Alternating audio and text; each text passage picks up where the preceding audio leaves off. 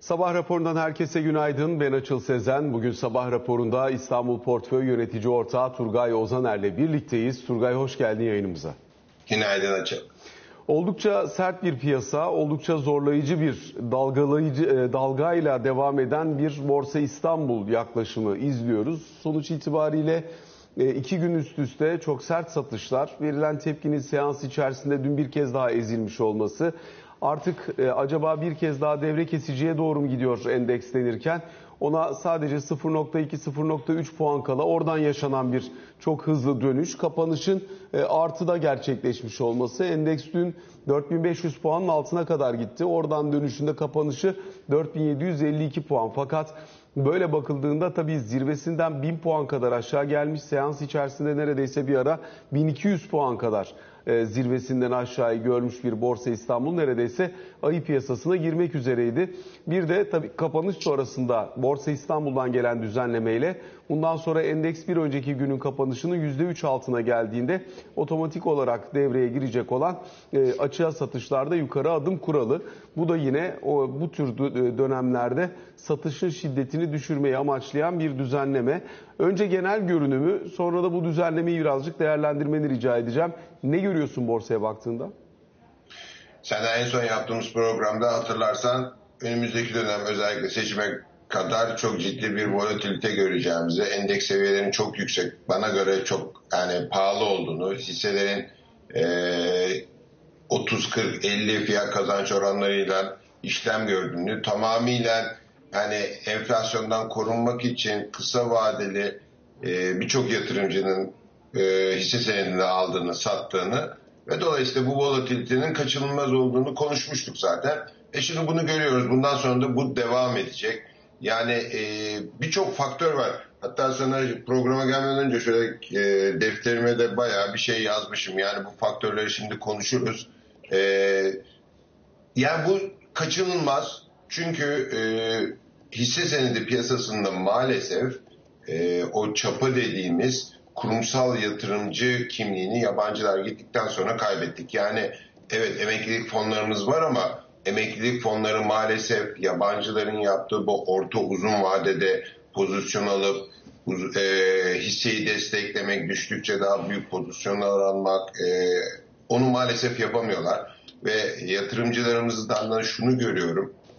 Hisse bu emeklilik fonlarında özellikle hisse senedi tarafını e, bir hisse senedi olarak e, görüyorlar. Yani hızlı bir şekilde gelip çıkmak e, onlar için e, bir yatırım aracı olarak görülüyor. Bu da gayet normal olarak e, talebi e, bazen çok hızlı arttırıyor, e, bazen çok azaltıyor ve karşımıza gün içinde yüzde onlara varan yani dün esasında şöyle düşünmek lazım artı eksi artı eksi ve artı oldu.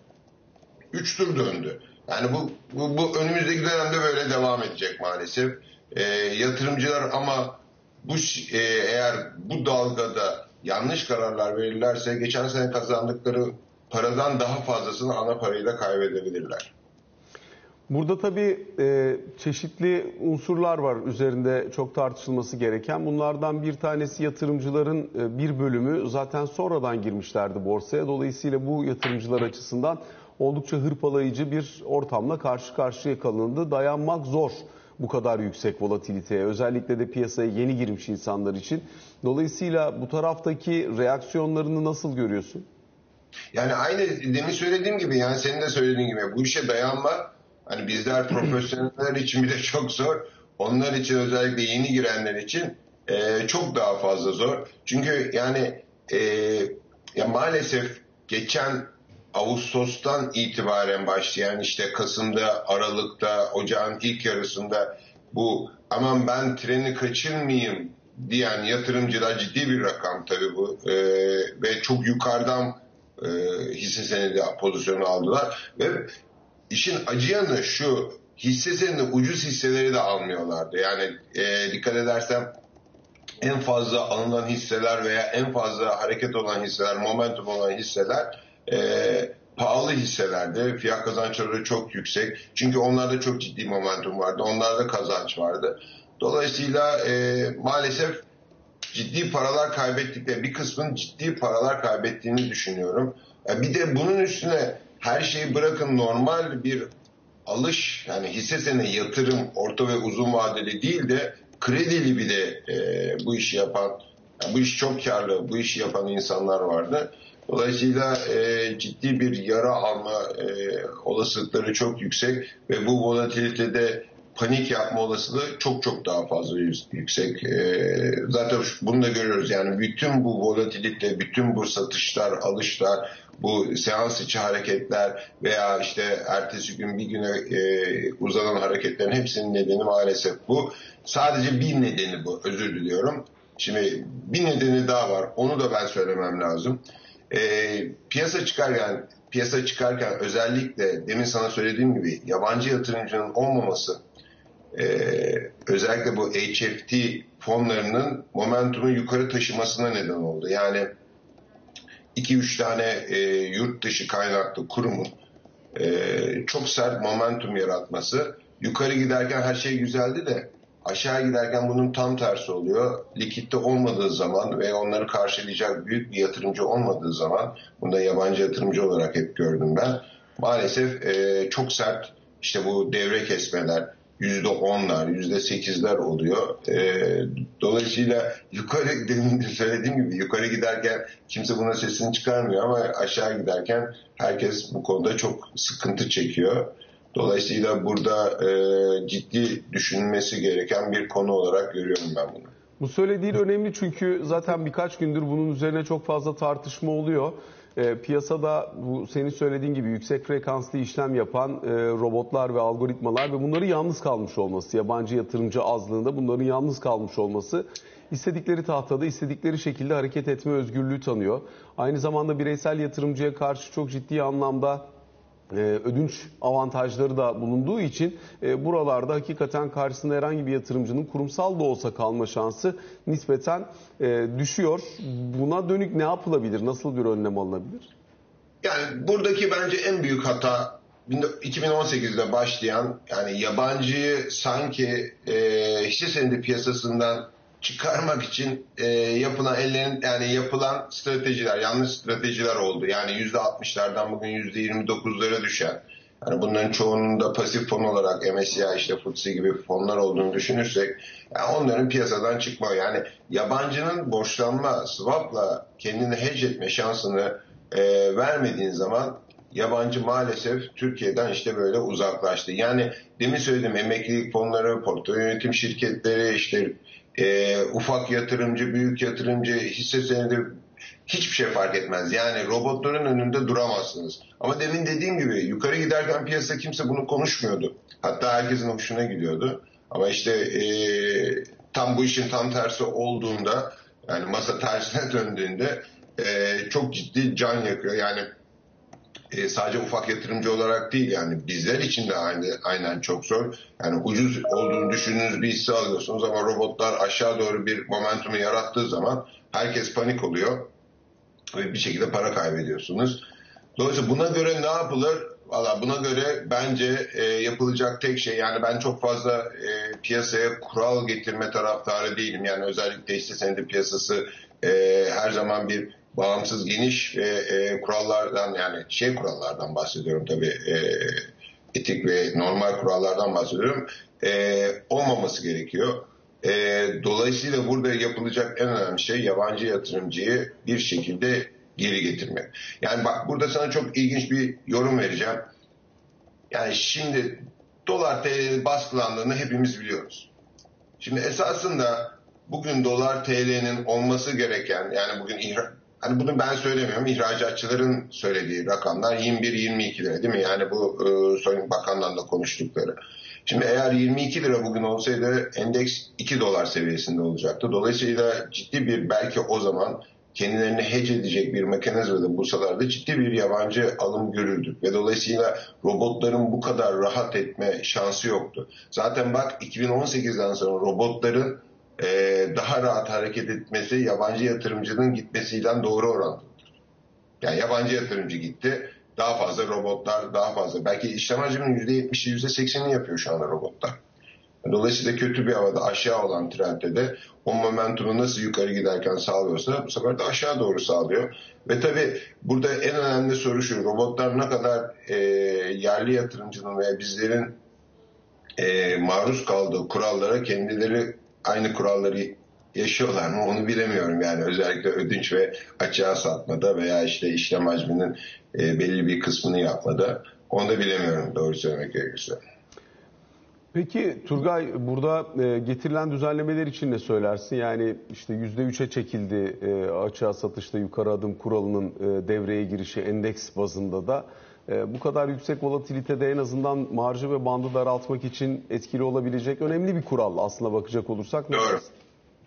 Ya yani şöyle tabii SPK'da e, borsada sonuçta bu kadar çok yatırımcının girdiği bir ortamda onları korumak için bu kuralları getiriyor. Ama dediğim gibi yani ben çok fazla bu tür kuralları yani serbest bu sonuçta bir serbest piyasa e, bu tür kuralların geçici olduğunu düşünüyorum. Tamam bugün belki bu e, paniği engellersiniz veya çok hızlı düşmesini engellersiniz ama yani bir hissenin e, sanayi şirketinin yüzde 50, 60, 70 fiyat kazançtan işlem görmesini nasıl engelleyeceksiniz? O da ayrı bir konu. Yani yatırımcının e, şeyini söylüyorum sana, sentiment yani yatırımcının bakış açısını söylüyorum. Yani buradaki en önemli konu yine aynı şeyi söylüyorum. Yani bu sadece bizim Türkiye için geçerli değil. Bütün dünya hisse senetleri piyasası için özellikle kurumsal yani e, kurumsal yatırımcı sayısını arttırmaktan ve yani siz bugün X bir hisse 3 fiyat kazançlara 4'lere düştüğünde bilirsiniz ki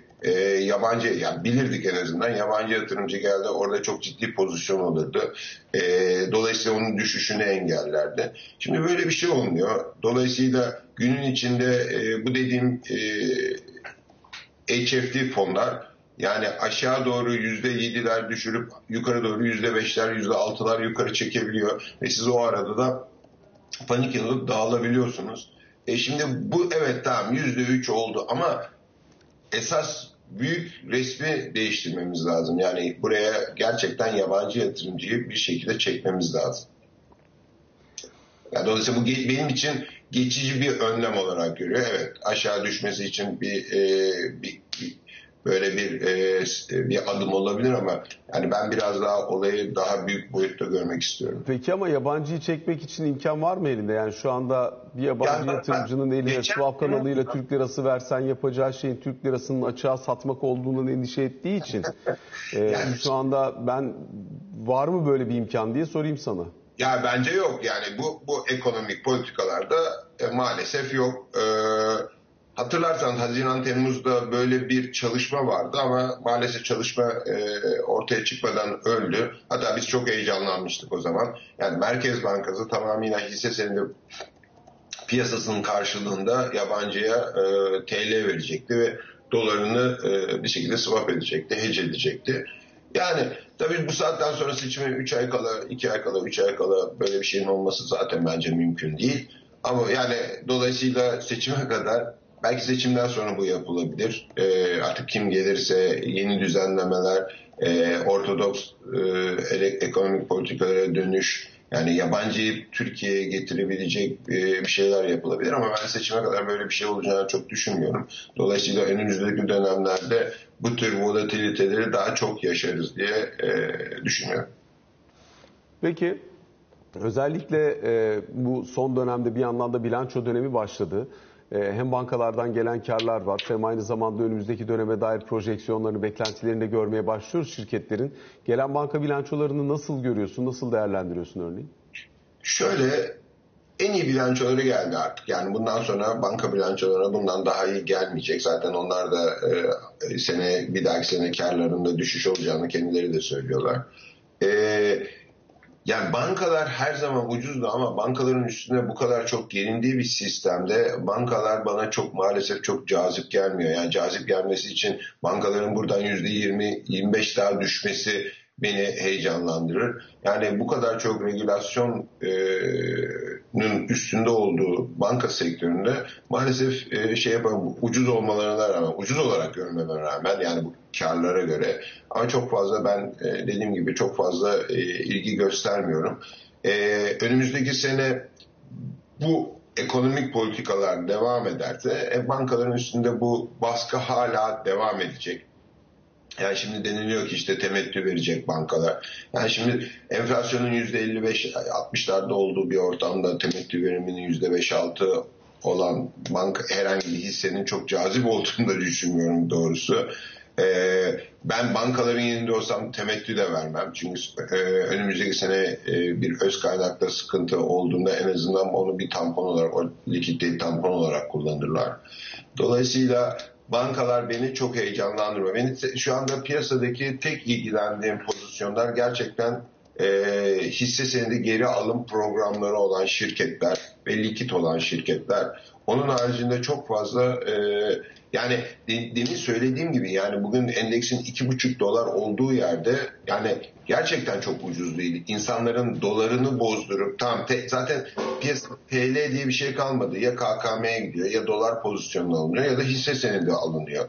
Dolayısıyla TL'nin olmadığı bir ortamda e, yeni tam e, belki genişlemeci politikalar hala devam ediyor ama piyasasını daha yukarı götürecek, yabancının gelmediğini düşünüyoruz, daha yukarı getirecek bir talebin oluşması için bence doların bir şekilde çözülmesi lazım. Yani insanların dolar pozisyonlarını satıp hisse senedi alması lazım. Ama şimdi bu, bu etapta da bu kadar baskılı bir dolarda insanlar yani ben hep e, sana şeyi soruyoruz e, söylerken bu iki buçuk dolar, iki dolar, üç dolar dediğim hep yani insanların dolar pozisyonunu satıp hisse senedi pozisyonundan bahsediyordum. Dolayısıyla şu anda iki buçuk, bu iki dolar demin sana söylediğim iki dolar seviyesinde olsa emin olun ki çok ciddi insanlar dolarını satıp hisse senedi bir pozisyon alırlar. Bu da yeni bir talep getirir. Ama şimdi o da olmuyor. Dolayısıyla böyle bir e, sıkışmış bir pozisyondayız. Yani uzun zamandır dolar TL'nin aynı yerde olması, yani sonuçta bu hükümetin politikası olarak görüyoruz. E, hisse senedinin tarafını da endeksin bir yerinde e, maalesef o talebi getirmiyor. Talebin durduğu yerde de işte böyle volatillikler maalesef e, yaşıyoruz.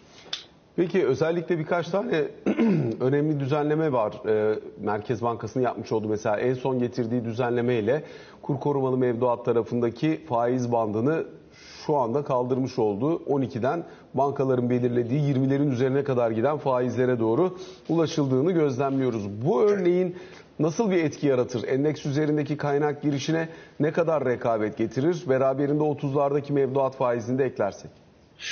Yani şöyle e, şimdi bu tartışılan bir konu yani bu, bunu şöyle düşünmek lazım. Karda olan, hisse senedinde ciddi karda olan insanlar için bu güzel bir sistem. Yani bugün satarsınız pozisyonunuzu %25'lere çekersiniz. O parayı işte mevduata veya kur korumalıya 3 aylık e, dönemde koyabilirsiniz. Bu e, talebi bir şekilde azaltma potansiyeli var mı? Bence var. Ya zaten ocağın e, başından beri her zaman söylediğimiz şey pozisyonları azaltma bu bu kadar e, hisse senedi piyasası hep yukarı gidecek değil. Pozisyonları azaltmakta fayda var. İşte onun da şu andaki karşılığı %20'ler, %30 belki mevduattaki e, faiz.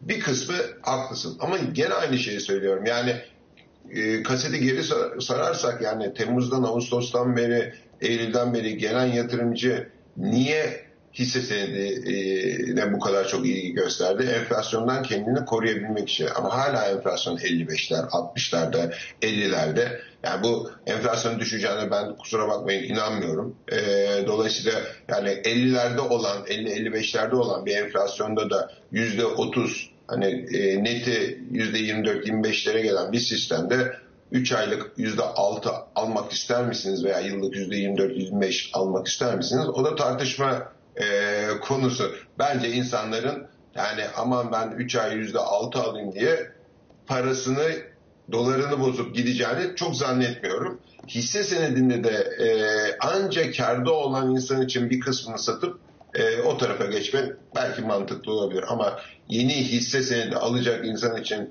gidip oraya e, TL'ye yatırması e, bence çok çok mantıklı olduğunu düşünmüyorum.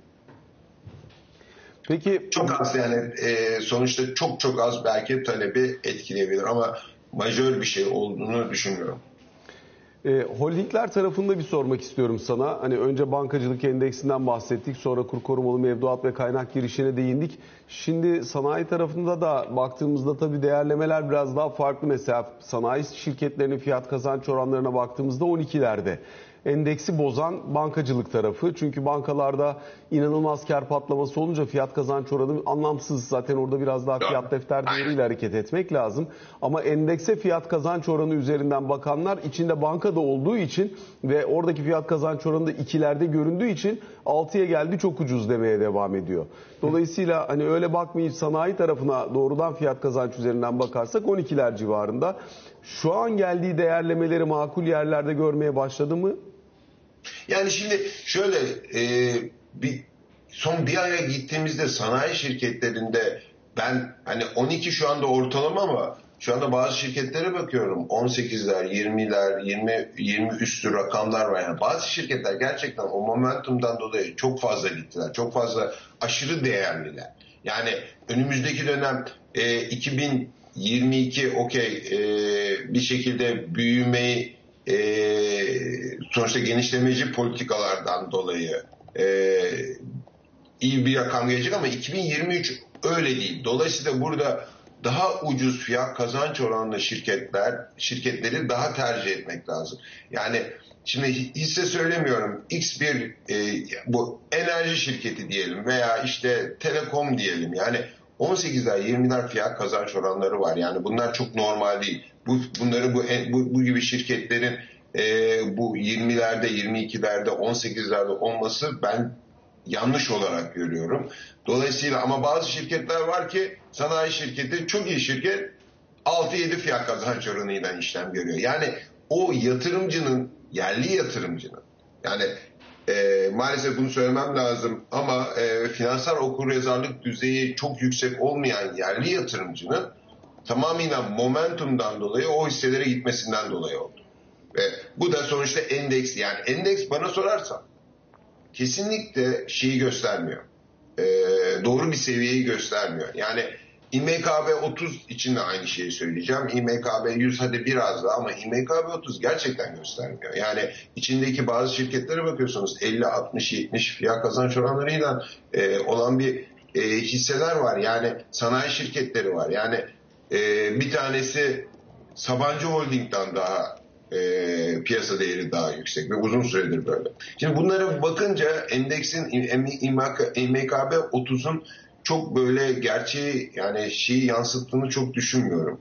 E, dolayısıyla senin dediğin gibi bankalar aşağı çekiyor. Bazı sanayi şirketleri çok yukarıda fiyat kazanç oranları yukarı çekiyor. Holdinglerdesiniz durumu gerçekten çok e, işler acısı. Yani Koç Holding, Doğan Holding, Sabancı Holding yani yüzde otuz beşler e, diskant oranları var. E, şimdi siz aşağısındaki şirketi iştirakini alıyorsunuz. Ama şirketin değerini yüzde otuz ondan daha ucuz esasında ama ana şirketi almıyorsunuz. Yani burada çok maalesef dediğim gibi yani finansal okuryazarlık seviyesi çok çok çok düşük olan ciddi bir kesim girdiği için kısa vadede ben para kazanayım diye. Dolayısıyla fiyat e, böyle fiyat saçmalıkları maalesef oluyor. Ee, bir de şunu unutmamak lazım. Yine aynı şeye geleceğim. Belki bunu çok tekrarlıyorum ama yani bunun gibi şirketler e, işte Koç Holding, Sabancı Holding gibi şirketlerde özellikle yabancı yatırımcı oranı çok yüksekti. E, ve yabancıların en fazla yani Türkiye pozisyonu almak için bu gibi şirketleri alıyorlardı. Oradan da ciddi bir şekilde yabancı satışı geldiği için maalesef e, onlar da bir türlü e, istedikleri fiyatlara gelemiyorlar. E, dolayısıyla bu senin senin söylediğin bu e, denge maalesef biraz sıkıntılı şu anda. Ama en de sonunda düzelir ama nasıl zaman düzelir bilmiyorum. Yani bu fiyatların bir şekilde düzel e, düzeltmesini yapması lazım ki gerçekten İMKB 30'un çünkü İMKB 30 VIOB'u de yani VIOB'un en önemli göstergesi. Ama o VIOB maalesef e, bütün endeksi e, çok fazla yani pozisyon aldığınızda maalesef çok fazla e, endekste birebir gitmiyor. Yani bugün bir pair e, trading işlemi yaptığınızda yani birisini alıp birisini sattığınızda bunu VIOP'la yaparsanız genelde zarar ediyorsunuz. Yani e, öyle de bir e, gariplik var. Dolayısıyla Viyop'la kendinizi şu anda e, hedge etmek çok riskli olarak görüyorum. Turgay izninle kısa bir araya gidelim. Aranın ardından sohbetimize kaldığımız yerden devam edelim. Tabii ki.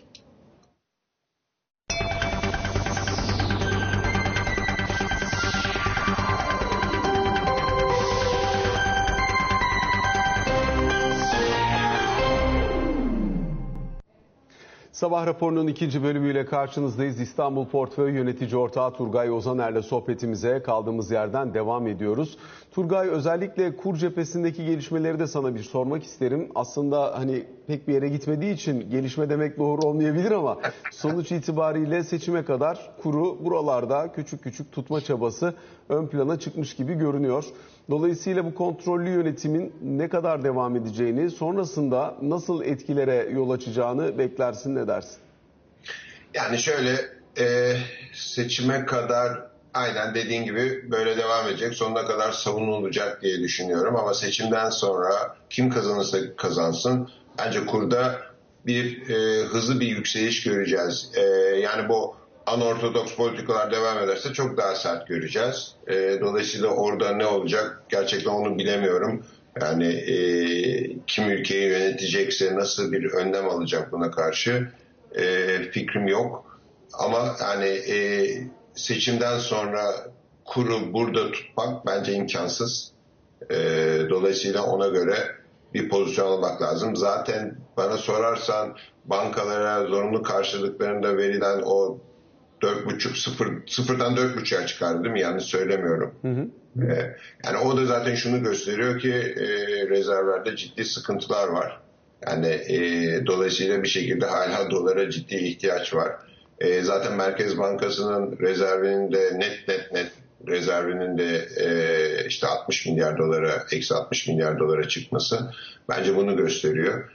E, dünkü rakamlar dış ticaretteki e, eksi negatif e, büyüme bunu gösteriyor. Dolayısıyla yani seçimden sonra dolar TL'de e, ciddi hareketler görmemiz e, olası.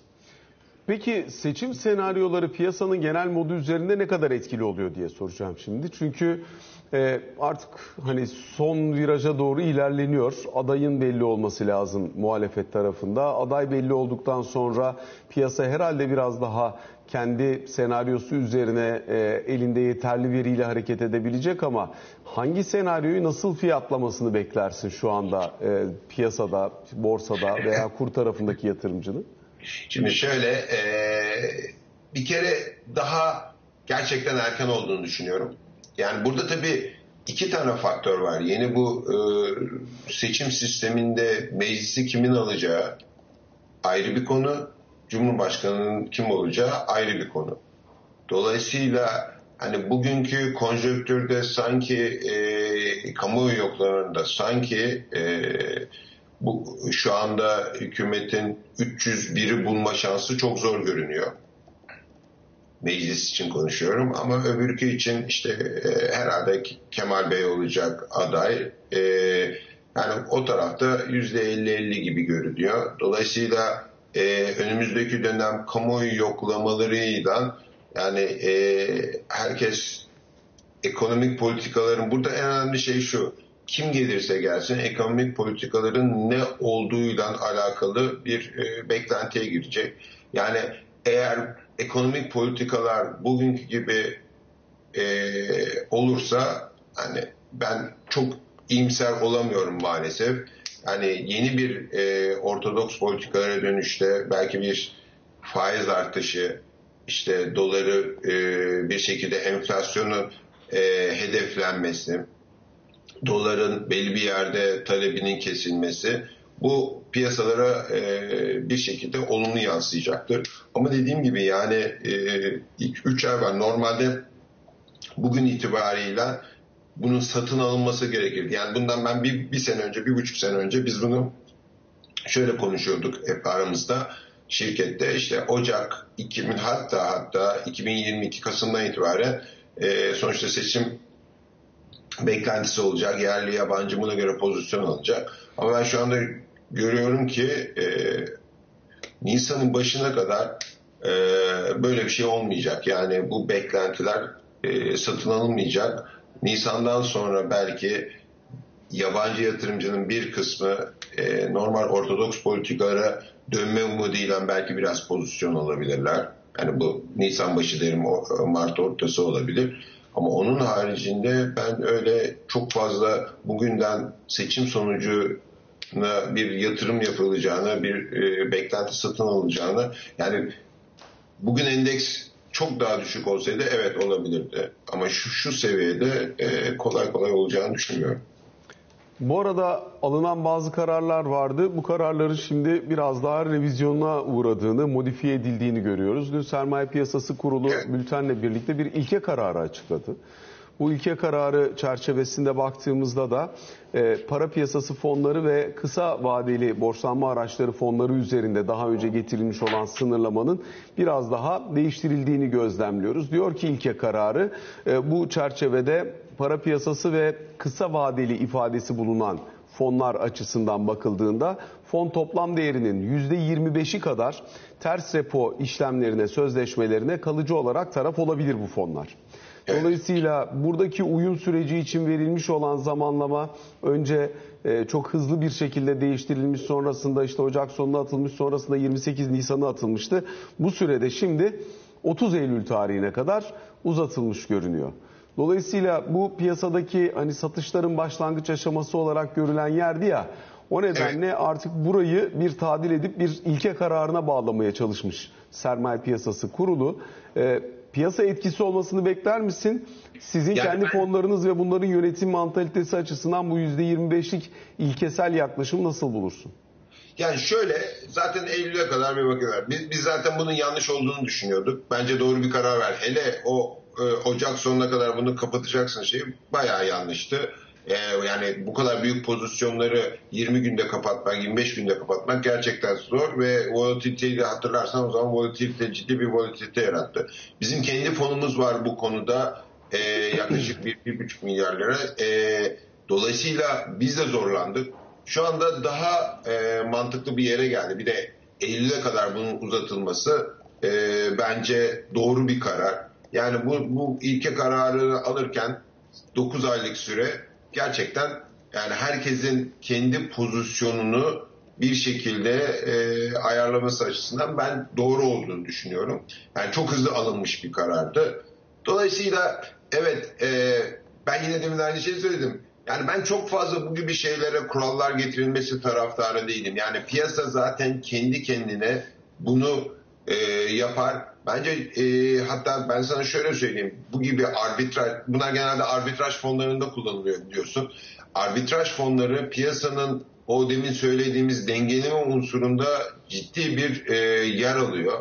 Çünkü e, hisse senedi fiyatıyla özellikle bu vadeli fiyatları arasındaki e, ciddi farklılıklarda arbitraj fonları ciddi bir şekilde devreye giriyor. Sonuçta onlar da pay repodan borçlanıyorlar. Yani bu böyle bir e, hepsi birbiriyle alakalı olduğu için piyasayı da dengeliyordu. Şimdi bunun tam tersi olunca bir önce pozisyonları boşaltacağınız dediğinizde e, bayağı bir işte gördüğümüz geçen ay gördüğümüz ilk satış satışın büyük bir kısmı bundan dolayıydı. Yani biz de bunu yaşadığımız için biliyorum birebir. Dolayısıyla bence gayet iyi oldu. Bu piyasaya olumlu yansır mı? Yansıma potansiyeli var tabii. En azından e, Eylül'e kadar böyle bir şeyin devam ediyor olması.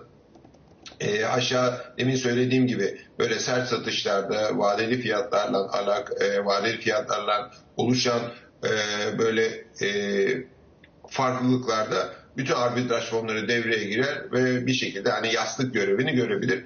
Bence doğru bir karar. E, hatta bence hiç alınmaması gereken bir karardı. Sonuçta piyasa şartları, piyasa kuralları kendi kendine zaten bunu dengeliyordu. Ama Eylül'e kadar olması bence çok çok olumlu. Yine e, sürenin sonuna yaklaşıyoruz. Son iki dakika içerisindeyiz ama Turgay. Önümüzdeki döneme dair e, özellikle fon tercihlerinde nelerin ön plana çıkmasını beklersin? Yatırım temasının net olduğu ortamlarda fon tercihi yapmak daha kolaydı. Dolayısıyla fon tarafına da ciddi bir yatırımcı ilgisi, alakası oldu. Yani hisse senedi fonları geçen sene çok bariz bir tercihti. O oldu. Daha önceki yıllarda uluslararası hisse fonları çok doğrudan e, alınabilecek risklerdi. Onlara çok ciddi bir yönelim oldu. Şimdi dünyada da Türkiye'de de böyle bir e, hani bariz yatırım teması yok gibi görünüyor. Doğru. O nedenle fon tercihi yaparken neye göre yapmak lazım? Bunun için de söylersin. Şimdi şöyle bence pozisyonu şöyle yapmak lazım. %50 hisse senedi yani daha doğrusu hisse senedi pozisyonu değil. Yüzde, maksimum %50'ye hisse senedi pozisyonu çıkmak lazım ama onu da %25'i e, daha orta ve uzun vadede öbür %25'ini de işte böyle dünkü çok sert satışlarda bir şekilde alıp yani daha çok trading kısmını yapmak lazım. Yukarı çıktığında satmak lazım. Çünkü bu volatilite, bu yatay seyir e, dediğim gibi yani Nisan'ın başına, Nisan'ın ortasına kadar, seçimlere kadar devam edecek bu volatilite. Dolayısıyla ondan yararlanmak lazım. Diğer yüzde elli de e, yani belki dediğiniz gibi şey olabilir, e, mevduatta bir kısım gidebilir ama ben her zaman e, uzun zamandır da aynı şey söylüyorum. Eurobond e, fonları şu anda hala benim için çok cazip. Yani yüzde ona e, varan getirileriyle Eurobondlar dolar bazında bahsediyoruz tabii. E, gerçekten çok cazip olduğunu düşünüyorum. E, dolayısıyla öbür yüzde ellinin tamamıyla e, dolar e, olan Eurobond veya işte onun e, başka türlü fonlar da olabilir. Ama yani yabancı para birimi bond, e, fonların olmasını tercih ederim. Ama o öbür %50 TL'lik kısmında da e, yine düştüğünde alıp %25'ini çıktığında hiç düşünmeden, daha fazla gideceğini düşünmeden yani o arada kısa vadede bir para kazanıyorsanız, kötü havada alıp iyi havada satabiliyorsanız, eğer onu becerebiliyorsanız kesinlikle e, para kazanırsınız diye düşünüyorum. Çünkü daha fazla aşağı geleceğini çok düşünmüyorum ama yukarıda gitme potansiyeli yok. Bugün işte endeks 4700'lü. 4300 ile 5500 veya işte 4000 ile 5500 o 1500 puanlık arada sıkışacağız. Tabi burada önemli olan şu onu demin söylememiştim ama e, özellikle e, şu birkaç günde e, bu e, Biyok'ta özellikle hisse senedi tarafında ciddi bir e, marş tamamlama problemleri vardı. Onun da geçmesiyle umarım geçer bir an önce e, piyasa dengelenir diye düşünüyorum. E, yoksa Eylül, Ekim'deki gibi, Ağustos ve Eylül'deki gibi yine bankacılık sektöründe olduğu gibi bir e, kriz inşallah yaşamayız. Çünkü çok kredili pozisyon var. E, onu duyuyoruz, görüyoruz. E. Evet, yani onu atladık, konuşmadık ama o da bence piyasanın dengesini çok ciddi bozan e, bir faktör. Ana unsurlardan bir tanesi orası oldu. Son evet. bir sözüm varsa onu alayım sonra son noktayı ben koyalım. Ben yani yatırımcının panik yapmaması lazım. Panik yaparak yatırımcı çok fazla para kaybeder. O yüzden çok dikkatli olması lazım diye düşünüyorum. Çok teşekkür ediyoruz Turgay Özener. Bu sabah bizlere ayırdığın sorularımızı yanıtladığın için sabah raporunu böylelikle noktalamış oluyoruz. Hoşçakalın.